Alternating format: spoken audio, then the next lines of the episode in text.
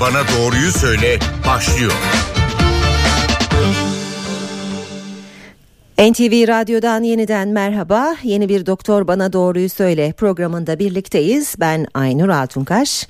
Bugün programda hareketin hayatımızdaki yerini konuşacağız. Memorial Şişli Hastanesi Fizik Tedavi ve Rehabilitasyon Merkezi Bölüm Başkanı Profesör Doktor Engin Çakar'la birlikteyiz. Hoş geldiniz yayınımıza.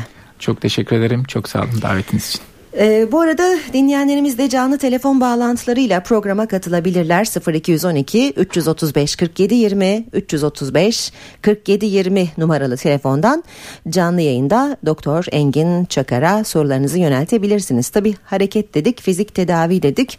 E, kulağa çok basit gibi geliyor ancak orada yapılan iş gerçekten e, çok önemli, çok mesai isteyen, çok değerli bir iş. E, genel olarak bir soralım size. Fizik tedavi ve rehabilitasyon hangi rahatsızlıkları tedavi eder ve e, ameliyata alternatif midir? başlangıçta bu soru, sorunuz için teşekkür ederim. Aslında e, genel konuya girerken ne yaptığımızı açıklamak en doğrusu olacak. Evet. Fizik tedavi rehabilitasyon aslında hastaların hareketi, fonksiyonu ve ağrısını düzelten, tedavi eden bir branştır. Dolayısıyla da herhangi bir fonksiyonel kayba sebep olan her türlü hastalık, bunda bel ağrısı, boyun ağrısı, omuz ağrısı, kolda sinir sıkışması olabildiği gibi beyin hasarı, beyin kanamasına bağlı fonksiyon kayıpları, felçler hepsi bizim e, günlük pratiğimizde e, tedavi etmeyi hedeflediğimiz hastalıklar. Bunun yanında e, hastanın ağrı yapan her türlü rahatsızlığı bizim tedavi e, skalamıza giren hastalıklardır. Dolayısıyla da e, değişen yaşamda insanlar bu kadar süre uzun oturuyor iken, bu kadar bilgisayar başında zaman tüketiyor iken boynu, beli ağrıyan her hastanın e, yolu fizik tedavi rehabilitasyon kliniğinden geçmektedir. Muhakkak geçiyor. Aslında bu gerçekten son dönemde çağımızın rahatsızlıkları arasında. Evet. Onun bir de e, adı var sanıyorum siz buldunuz onu ya da Ha, aslında şöyle Siz, e, biz Sizin Türkçe katkılarınızla literatüre evet, katılmış evet, evet, olduk. Türkçe e, uluslararası literatürde Text-Neck sendrom diye bir hastalık e, tanımlanmaya başladı. E, uzun e, süre işte cep telefonunda mesaj yazma veya bilgisayarda bir şey yazmaktan ileri gelen biraz e, bir isim. Biz de bunu e, Türkiye'de kullanılmak üzere Türkçe olarak cep boyun hastalığı diye çevirdik. Bu birazcık da e, hoşa giden ha, hoşa giden bir e, isim oldu. Dolayısıyla da bayağı bir e, şey dikkatleri çekti. Hı hı. Cep boyun hastalığı. Uzun cep saatler hastalığı. boyunca telefon ekranına bakmak, e, bilgisayar ekranına bakmak bakmak. Dolayısıyla boynun eğik durması sonrasında gelişen rahatsızlıklar zinciri. Hemen sorayım o rahatsızlık düzeliyor mu fizik tedaviyle? E, tabii e, bir kere şöyle söyleyeyim bu tür rahatsızlıkların hepsi düzelebilen rahatsızlıklar ama sadece şunu bilmek lazım bir hap yok yani bir doktora gideceksiniz fizik tedavi rehabilitasyon hekimine gideceksiniz diyecek size şunu al kullan geçti hiçbir şey kalmadı böyle bir hastalık değil bu hastalıkların tedavisini ben aldım verdim oyununa benzetirim. Yani karşı taraf iki adım geliyorsa siz de iki adım geleceksiniz. Biz sorunu saptadıktan sonra cep boyun hastalığı dediğimizde e, genel olarak aslında e, boyun, başı etkileyen boyun kökenli rahatsızlıklar, omuz bölgesi, sırt bölgesi ağrılarını kastedelim. Bu eksenden yürüdüğümüzde hastaya biz doğru sorun tespitinden sonra burada sadece bir kas romatizması olabilir. Yaygın adıyla fibromiyalji denen kas romatizması evet. veya da bunun bölgesel mas hastalığı miyofasel ağrı sendromu diyoruz. Halk arasında sırtımda kulunçlar var denilen hastalık olabilir. Veyahut da boyun fıtığı olmuş olabilir. Boyunda erken dönemde kireçlenme olmuş olabilir. Omuzda kas sıkışması olmuş olabilir. Bazen kas lifi yırtığına kadar gider bu. Bunu saptadıktan sonra hastaya bir tedavi programı sunuyoruz. Bu tedavi programı şu zannedilmesin. Fizik tedavi uzmanına gittim bir fizik tedavi verecek. Evet bizim elimizde bir fizik tedavi gibi bir seçenek var. Ancak bizim elimizde çok daha fazla seçenekler var. Hastaya ağrısı için enjeksiyon yapabiliriz. Kuru iğne tedavisi yapabiliriz. Proloterapi yapabiliriz. Klinik tipinde egzersizle bu çözüme doğru gidebiliriz. Bazı ağrı bantları var, kinezioteyp diyoruz. Bunlarla çözüm bulabiliriz. Bunu desteklerken klinikte fizik tedavi uygulamalarını da yaparız. Bu durumda hasta burada durumu iyi algılar kendi neler yapacağını bir liste şeklinde çıkartır ve bunlara uyarsa evet tamamen iyileşir. Biz bunu söyleyebiliyoruz. Ama kendi üzerine düşeni yapmazsa? O zaman teyze fizik tedavisi diyorum. ee, ne oluyor? Hasta geliyor. Hocam çok iyi oldum ağrılarım geçti diyor. 3 hafta sonra kontrole çağırıyoruz. Hocam ağrılar yeniden geldi diyor. Egzersizini yaptın mı? Hayır. 40-45 dakikada bir mola verdin mi? Hayır. Bilgisayarda e, masadaki monitör düzeyini gözün üst seviyesine çıkartıp masandaki sandalye yüksekliğini ayarladın mı? Hayır. Akşam yürüyüşe çıkıyor musun? Hayır. E, o zaman geçmiş olsun. E, bir dahaki takiplerde başka doktor bulunduruyoruz kendinize. Ve bu söyledikleriniz de aslında ne kadar kolay. Yani Evet, yapılabilecek evet, şeyler. Ama ağrılar geçince biz iyileşmiş gibi hissediyoruz. Galiba büyük yanılgı böyle oluyor. Evet geçici e, rahatlama bize e, bir İyileşme gibi bir e, evet, illüzyon evet, oluyor doğru, aslında. Doğru, doğru. Peki e, sorular var. Mesela fizik tedavinin vücuda zararı var mıdır? Ağrılı bir uygulama mıdır diye. Şimdi şöyle fizik tedavi e, aslında e, çok e, güncel gündemde ve bundan sonra hayatımızda olacak bir e, tedavi vazgeçilmez bir tedavi şekli olarak artık var. Bunu bilmeliyiz. Ancak fizik tedavi deyince fizik tedavi rehabilitasyon disiplinini ele almak lazım. Fizik tedavi rehabilitasyon disiplininde fizik tedavi rehabilitasyon hekimleri var. Bizim e, fizyoterapist dediğimiz bir e, meslekimizdeki e, gruplar var. Ergoterapist var, fizik tedavi teknikeri var, manuel tedavi yapan var, hidroterapi teknikeri var. Hepsi bir merkezde mi bu Bunların kişilerin? bir takım halinde çalışması gerekir. Takım halinde çalışmadığında hastada esas olan tanı ve tanıya uygun tedavi planlanmadığında bazı istenmedik durumlarla karşılaşan hastalarımız vardır. Dolayısıyla da düzgün bir kliniğe, bir fizik tedavi rehabilitasyon hekimine başvurup onun planladığı çerçevede bir ekip halinde bir tedavi uygulanırsa bunun hastaya zarar vermesi çok söz konusu değildir normal tıbbi komplikasyon riskleri düşük olan bir tedavi şeklidir. Dolayısıyla da buna ulaşan bu tarz bir tedavi ulaşan da e, bir yan etki veya hani bir sıkıntı görme olasılığı çok çok çok çok düşüktür. E, ama hani uygunsuz uygulamalara maruz kalmış birisi artık hani her şeye e, her şeyle karşılaşabilir. E, dolayısıyla da e, bunu iyi değerlendirmek lazım. Bazı kötü tecrübeler sonucu sanıyorum böyle sorular çok geliyor. Ee, az önce özetlediğiniz gibi. Bu arada 0212 335 47 20 olduğunu hatırlatalım. Canlı yayın telefon numaramızın 335 47 20. Bugün hareketin hayatımızdaki önemini konuşuyoruz.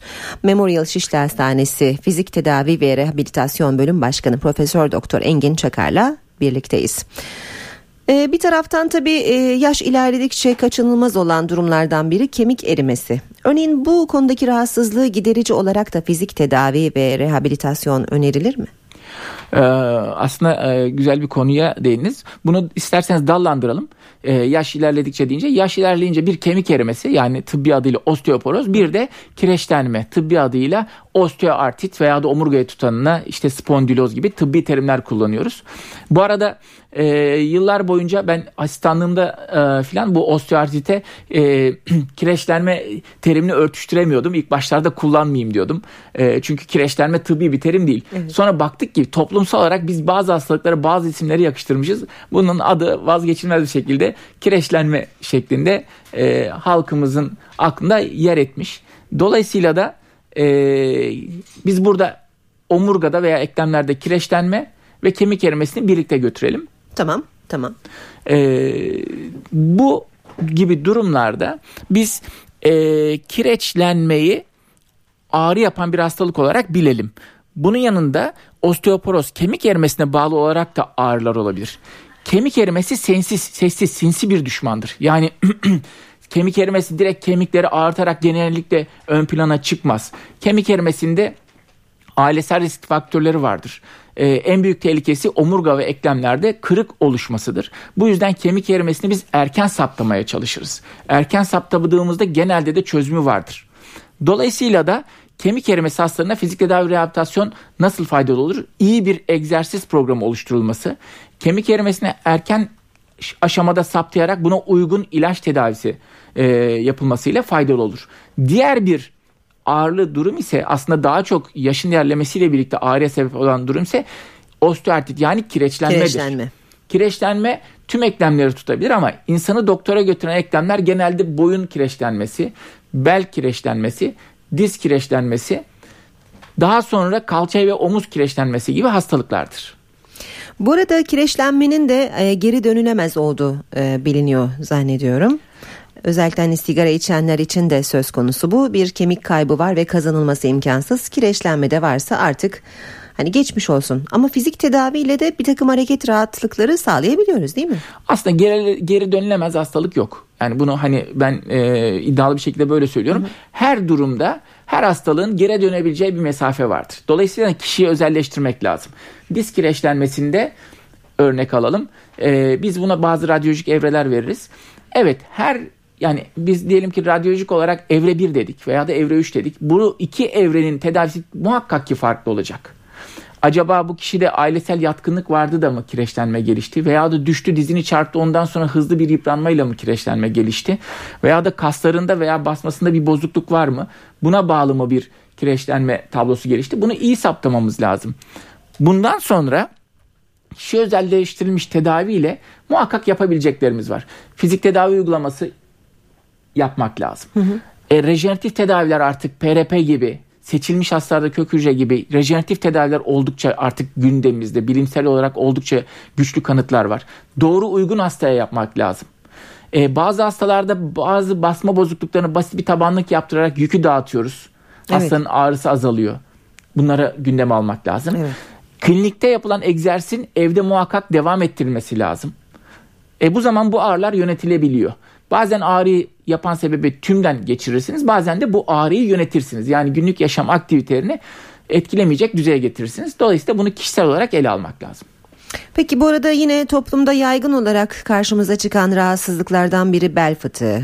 Hmm. Ve hep derler ya e, hani bel fıtığı ameliyatla e, çözülmez. İşte önerdiler ama ben istemiyorum e, deyip kendi inisiyatifiyle ameliyat olmayan hastalar da var. E, ya da tam tersi aman ameliyatı olma ameliyatta daha kötü oluyorsun e, diyen e, tecrübeli kişilerin e, söylemleri de var. Acaba e, bel fıtığına çare oluyor mu ameliyatsız tedavide fizik tedavi? Aslında çok güzel bir soru sordunuz. Ben bu örneği çoğaltayım. Hocam ya ben bel fıtığından çekiyorum. Bir ameliyat olsam da kurtulsam hiçbir şeyim kalması hastası da var. Yani kimisi ameliyattan kaçıyor, kimisi de ameliyata gitmeye çalışıyor. Burada tabii e, şunu e, oturtmak lazım. Hangi hasta bel fıtığından ameliyat olmalı? Şimdi biz burada bir yoklama alsak, e, dinleyicilerimize sorsak desek ki kaçınız hayatınızda bel fıtığı, bel ağrısı yaşadınız? Bel ağrısı yaşadınız. İnsanların %90'ı hayatının her, herhangi bir dönemde bel ağrısı yaşıyor. Evet. Şunu da hemen şey yapalım, açıklayalım. Her bel ağrısı bel fıtığı değildir. Dolayısıyla da hani benim belim ağrıyor, belimde fıtık var eşittir demek değil. Evet. Bel fıtıklarının sadece yüzde bir ila üçünde ameliyata gerek var. Yüzde bir ila üçünde. Bunlar da hangileri? İlerleyici kas gücü kaybı, ilerleyici his kaybı yapan, idrar dışkı tutamama gibi sorunlar yapan veyahut da ne yaparsak yapalım geçiremediğimiz bir ağrısı olan şiddetli ama hani böyle ılımlı bir ağrı değil geçiremediğimiz şiddetli ağrısı olan hastalarda bel fıtığına bu iş gider. Onun bu hastalar da yüzde bir ila üçtür. Geri kalan hastalarda kesinlikle uygun bir fizik tedavi, uygun bir ağrı için iğne tedavisi, enjeksiyonlar. Bu enjeksiyonlar bazen e, tıbbi olarak transformer enjeksiyon diyoruz. Sinir köküne veya da diskin fıtıklı olduğu yere yapılan iğneler olabiliyor. Bazen basit bir e, lokal blokaj dediğimiz lokal anestezikle yapılan iğneler olabiliyor. Veyahut da kuru iğne uygulaması olabiliyor. Bazen proloterapi dediğimiz uygulamalar olabiliyor. Enjeksiyon yelpazesi geniş. Bunlar uygun bir fizik tedavi programı bir de uygun bir yaşam tarzı düzenleme. Bakacağız hasta kilolu mu? Muhakkak kilo vermesi lazım. Yoksa hani bu dediğim yüzde bir üçlük gruba girse ameliyat olsa da çok mutlu olmaz. Veya da mutluluğu geçici süreli olur. İki, fizik tedavi kliniğinde biz hastanın toparlanmasına yardım ettik. Günlük yaşam aktivitelerine döndürdük.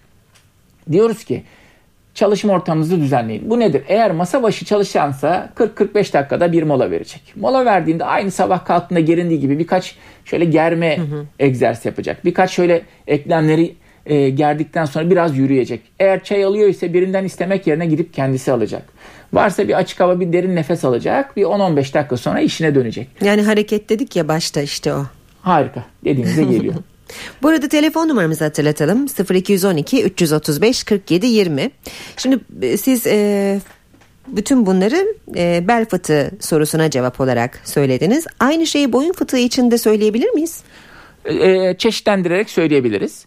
E, yine bir yoklama yapalım. Seyircilerimize soralım. Diyelim ki hayatınızın herhangi bir döneminde boyun boyunu şöyle boyun omuz diye veya da boyun sırt veya boyun baş ağrısı gibi yani o bölgeyi Hı. alarak e, soralım. Burada da %60-70'i bu boyun ağrısıyla karşılaşmış oluyor. Boyun ağrısında da boyun ağrısı eşittir fıtık demek değildir. Son yıllarda en çok gördüğümüz ağrı bölgesel kas romatizması olan miyofasel ağrı sendromudur. MAS hastalığı diyoruz. Bu fibromiyalji ile karışmasın. Fibromiyalji tüm vücuttaki yaygın olarak kasları tutan kas romatizmasıdır. Miyofasel ağrısı, ağrı ise bölgesel olur. Yani boyun sırt bölgesini en sık görüyoruz. Birçok baş ağrısı migrenim diye dolaşır. Aslında enseden yayılan boyun kökenli baş ağrısıdır. Bunu iyi ayırt etmek lazım. Dolayısıyla da bunun tedavisi lokal çözümlerle olur. Çok basit. Günde 1-2 defa germe egzersizleri. Haftanın 3 ila 5 günü dik duruş. Bakın sadece boyun değil. Dik duruşla birlikte boyun egzersizleri. Bir de hele ağrılıysa sıcak koyduktan sonra bir ılık sıcak banyo sıcaklığında suyu bir 20 dakika uyguladıktan sonra yapılırsa çok büyük rahatlama sağlar. Bunu sürdürmek çok önemlidir. Biz bunu söylerken sürdürülemediğini de biliyoruz. Evet. Onun için insanlara kolaylaştırmak için şöyle diyoruz. Her bahar bir buçuk ay. Bu ne demek? Yani hayatınızın tüm süresince 12 ay boyunca haftanın 5-7 günü bunu yapamadığınızı biz artık öğrendik. Yapılmıyor. Evet. Ama şöyle yapalım. Her bahar girerken insan nasıl sana biraz kilo vereyim, çek düzen vereyim, vücudum zinde olsun diyor ya. O zaman 5 gün boyunca bu egzersizlerinizi düzenli yapın diyoruz. Daha sonra 4,5 ay kaldı. 6 aya böldük yılı. 4,5 ay haftada 3 gün. Bahanem varsa da en az bir gün yapın diyoruz. Yani 1,5 ay ektik. Bir zindelik sağladık. Bunu sürdürmek için de haftanın 1-3 günü bu egzersizleri yapıyoruz. Bu inanın korunuyor. Dolayısıyla bir dahaki bahara mı geldik? Bir dahaki bahar yine bir buçuk ayımızı veriyoruz. Bu aynı şekilde buna yürüyüşü de ekleyin. Seviyorsanız yüzmeyi de ekleyin imkanınız varsa veya sevdiğiniz başka bir dayanıklılık arttırıcı spor da ekleyin. Bu şekilde bir yaşam tarzı sizin bu ağrılardan kurtulmanızı sağlayacaktır. Evet. Peki bir dinleyicimizle e, konuşalım. Alo. Peki, Alo, iyi günler. Radyonuzun sesini lütfen kısar mısınız? Tabii. Alo. E, buyurun sorunuzu alalım. Sizi tanıyalım ama önce. İyi günler. E, ismim Hüseyin. E, İzmir'den arıyorum. Hüseyin Erbaş. Buyurun. E, hocama soruyorum da e, mümkünse bu bel fıtığıyla ilgili ayaklarımda yanma var. Acaba bel fıtığından kaynaklanabilir mi? Biraz kilom var tabii. Geçmiş olsun. Kaç soru sorabilir miyim? Tabii. E, yaşınız kaçtı Hüseyin Bey? Duyabiliyor Efendim? musunuz yaşınız Hüseyin Bey? kaçtı? Evet. Yaşınız yaşınız kaç? Kaç yaşınızdasın? Yaşım 50, 51 hocam. Şeker hastalığı gibi bir hastalık var mı? Hayır yok. Şekerim 117 yok. 117. Şimdi e, şöyle söyleyeyim. 117 e, biraz benim e, alanım hani endokrinoloji ve metabolizma hastalıkları değil ama 117 yüksek yani glukoz tolerans bozukluğu olabilir. Şimdi bunun ayrıcı tanısı yapılması lazım. Eğer belde sinire dokunan bir fıtık varsa bu da buna benzer ağrılar yapabilir. Eğer şeker düzeyiniz bozulduysa yani tam şeker hastası olmadınız ama şeker düzeyinde bozukluk var. Böyle ılımlı yüksek gidiyor. Tam normale dönmüyor. Bu dönemde de erken sinir ucu iltihabı gelişir. Biz buna polinöropati diyoruz. Bu da buna benzer şikayetler yapar. Dolayısıyla da siz isterseniz ben burada sizi sadece yönlendirmiş olayım. İlk önce bir e, fizik tedavi rehabilitasyon hekimine başvurun. E, şekerinizle ilgili iç hastalıkları veya da endokrinoloji metabolizma bozuklukları bölümüne başvurun ve doğru tanı konulsun. Eğer ki herhangi birisi saptanırsa ikisinin de çözümü söz konusudur. Ama hani doğru tanı az önce demiştim doğru tanı konulması lazım. E, kilo her ikisinde de sevmediğimiz bir şey. Yani hangi doktora giderseniz gidin o kilo verin diyecek. E, 50 yaşlarda kritik yaşlardır. Ee, insan yaşamı uzuyor biliyorsunuz. Ee, 50 yaşlarda kendinizi iyi bakmayı öğrenir, vücudu da koruyarak e, sorun olmaya başlamış şeylere hemen çözüme ulaştırırsanız sonra konforlu yaşarsınız. Evet. Ee, eğer bakalım ne çıkacak yarın öbür gün çıkınca çözüm buluruz derseniz ise e, bu sefer tedavi etmek yerine ya durumu nasıl kontrol altına Hı. alabiliriz e, durumda kalırsınız. Bunu çok sevmiyoruz. Onun için bence yakın zamanda başvurun ayrıcı tanı yapılsın. Geçmiş olsun diyelim. Bir başka dinleyicimiz diye e, soru sormak için hattalar. E, buyurun sizi dinliyoruz. Merhaba. Merhaba. İsmim Gürkan Arslan. Adana'dan arıyorum. 55 yaşındayım. 1.79 ee, boyundayım. 87 kiloyum. Hocama sormak istediğim uzun süre oturup kalktığım zaman doğrulmakta güçlük çekiyorum bir müddet. Bir 10 saniye falan güçlük çekiyorum. Ondan sonra doğrulabiliyorum. Ha, merhaba geçmiş olsun. Merhaba sağ olun. Şimdi bu normal bir şey değil. E, boyunuza göre kilonuz fazla bir onu söyleyeyim. E, oturarak çalışıyorsanız oturma süreleri uzundur diye tahmin ediyorum. Dolayısıyla da hani şöyle e, diyelim e, ağrı sızı yapmıyor ise gün içerisinde veya da gece ağrısı yapmıyor ise hemen cevap verebilir misiniz? Gece ağrınız oluyor mu? Veya Gece da gün- ağrısı yapmıyor. Ben e, işim gereği araç kullanıyorum. E, subsistans düzlüğü yapıyorum. 3 saat 5 saat süreç araç kullanmak durumunda kalabiliyorum. Arabadan indiğim zaman veya bir koltukta oturup sandalyeden kalktığım zaman böyle e, doğrultmakta diyelim parantez gibi yani böyle açılmakta güçlük çekiyorum. Ama bir müddet sonra bir 10-15 saniye sonra doğruluyorum. Ağrı var ama rahatsız edici bir ağrı değil. Gece ağrısı olmuyor. O zaman size iki seçenek sunayım. Bir, e, bir kere a, arabadaki oturuş pozisyonunuzu gözden geçirin. Yani e, genelde kaykılarak oturma şekli, belin normal anatomisine aykırı bir şekilde belin çukurunun normal olması değil terse doğru dönmesi şeklinde uzun saatler oturduğunda e, değişen basınca bağlı disklerde erken dejenerasyon oluyor. Yani kireçlenmeye erken giriş oluyor. Bazen bu bazen erken fıtık olarak da kendini gösterebiliyor. Bunları bir gözden geçirin. E, iki seçenek sunuyorum. Bir hemen doktora gidin. Hani e, sorun nedir hemen tespit edelim. Evet. İkincisi ha şu anda gitmeye zamanım yok diyorsanız böyle am- aman acil alarm şeklinde şikayetler değil bunlar. Hani hemen doktora gidin e, bir şey atlamayalım Tamam. değil. E, günde bir kere kendinize bir 20 dakika zaman ayırın. Bel ve Evet. karın güçlendirme egzersizleri.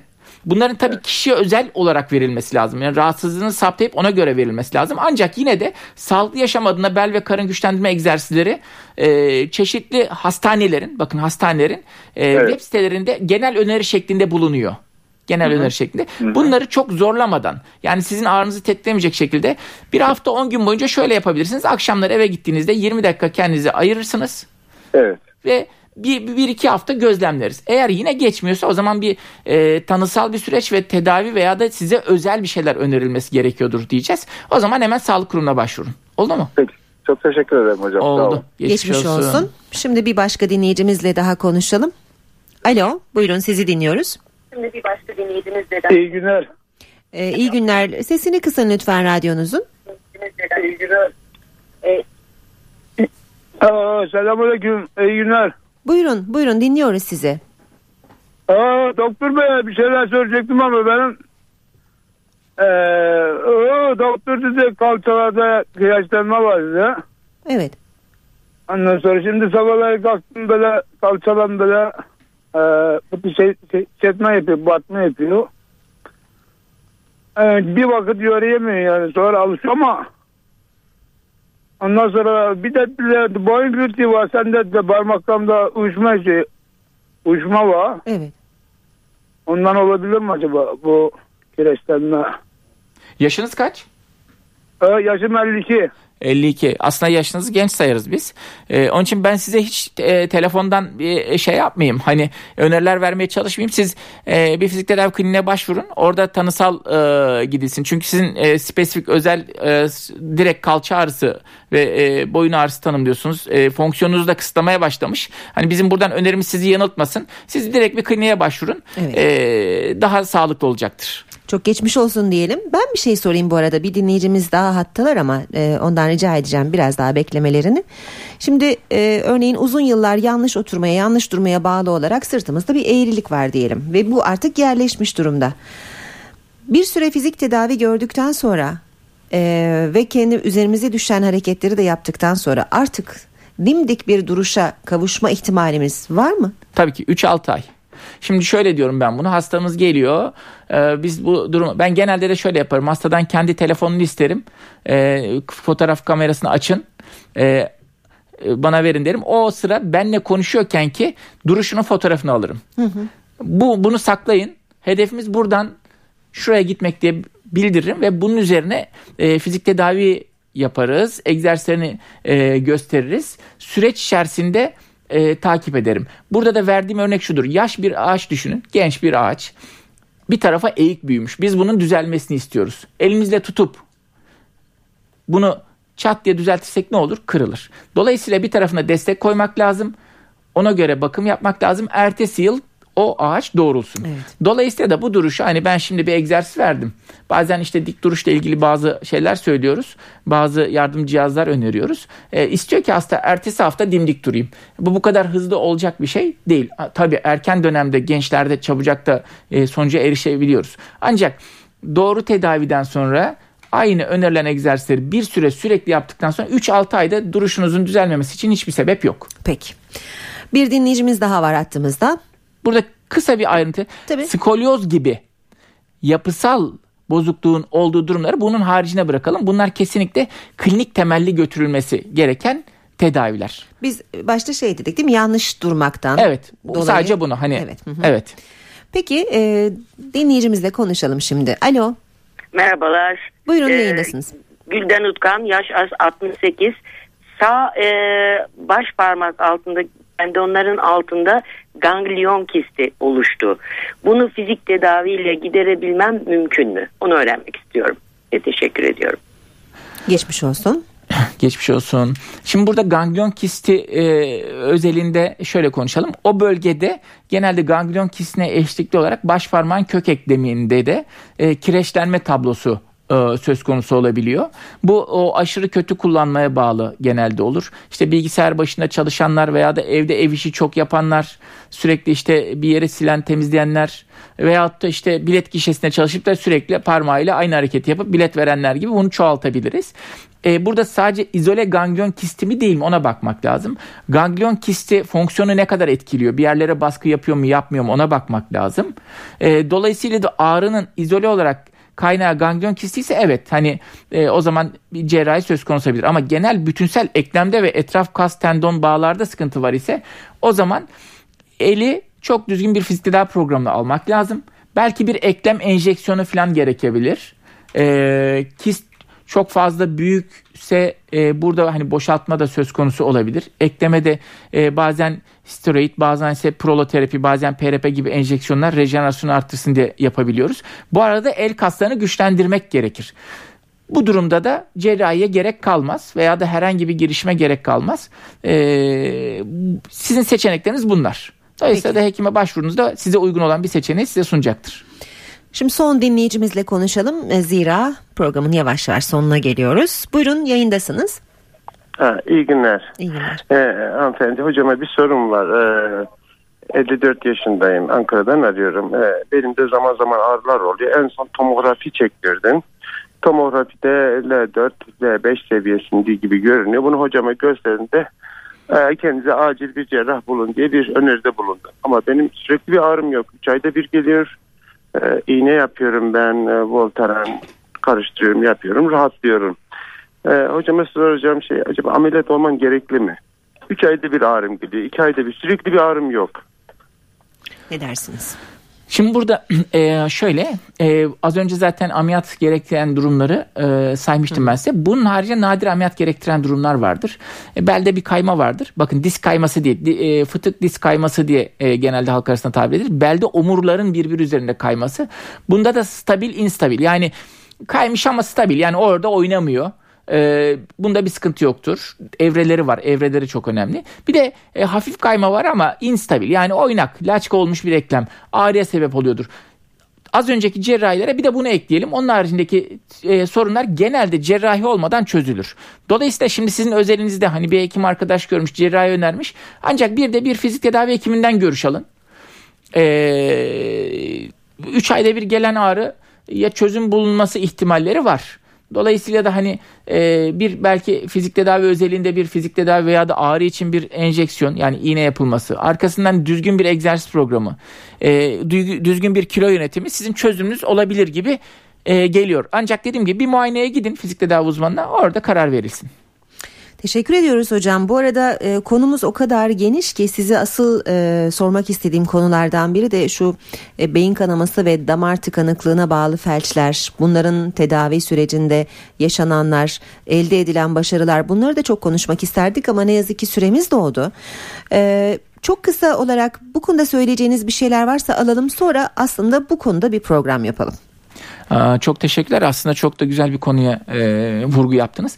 E, bizim fizik tedavi rehabilitasyon branşı olarak diğer sık ilgilendiğimiz konu ise e, beyin kanaması veya da beyin damar tıkanıklığına bağlı gelişen e, felç tabloları yani fonksiyon kayıpları, kafa travmasına bağlı, beyin hasarına bağlı fonksiyon kayıpları.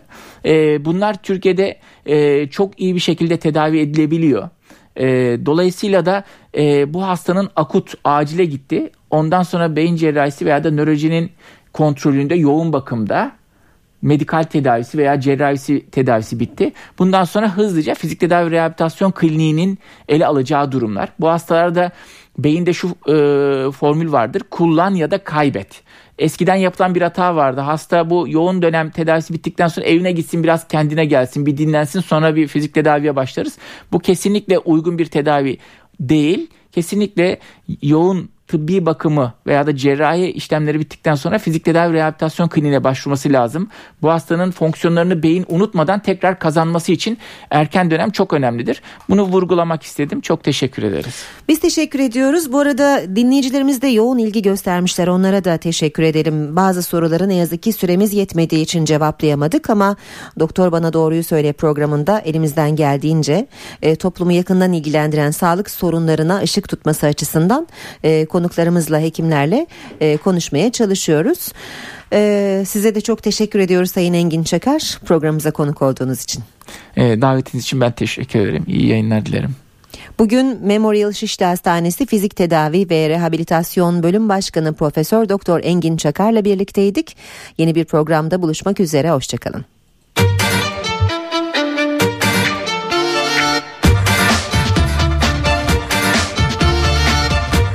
Bana doğruyu söyle.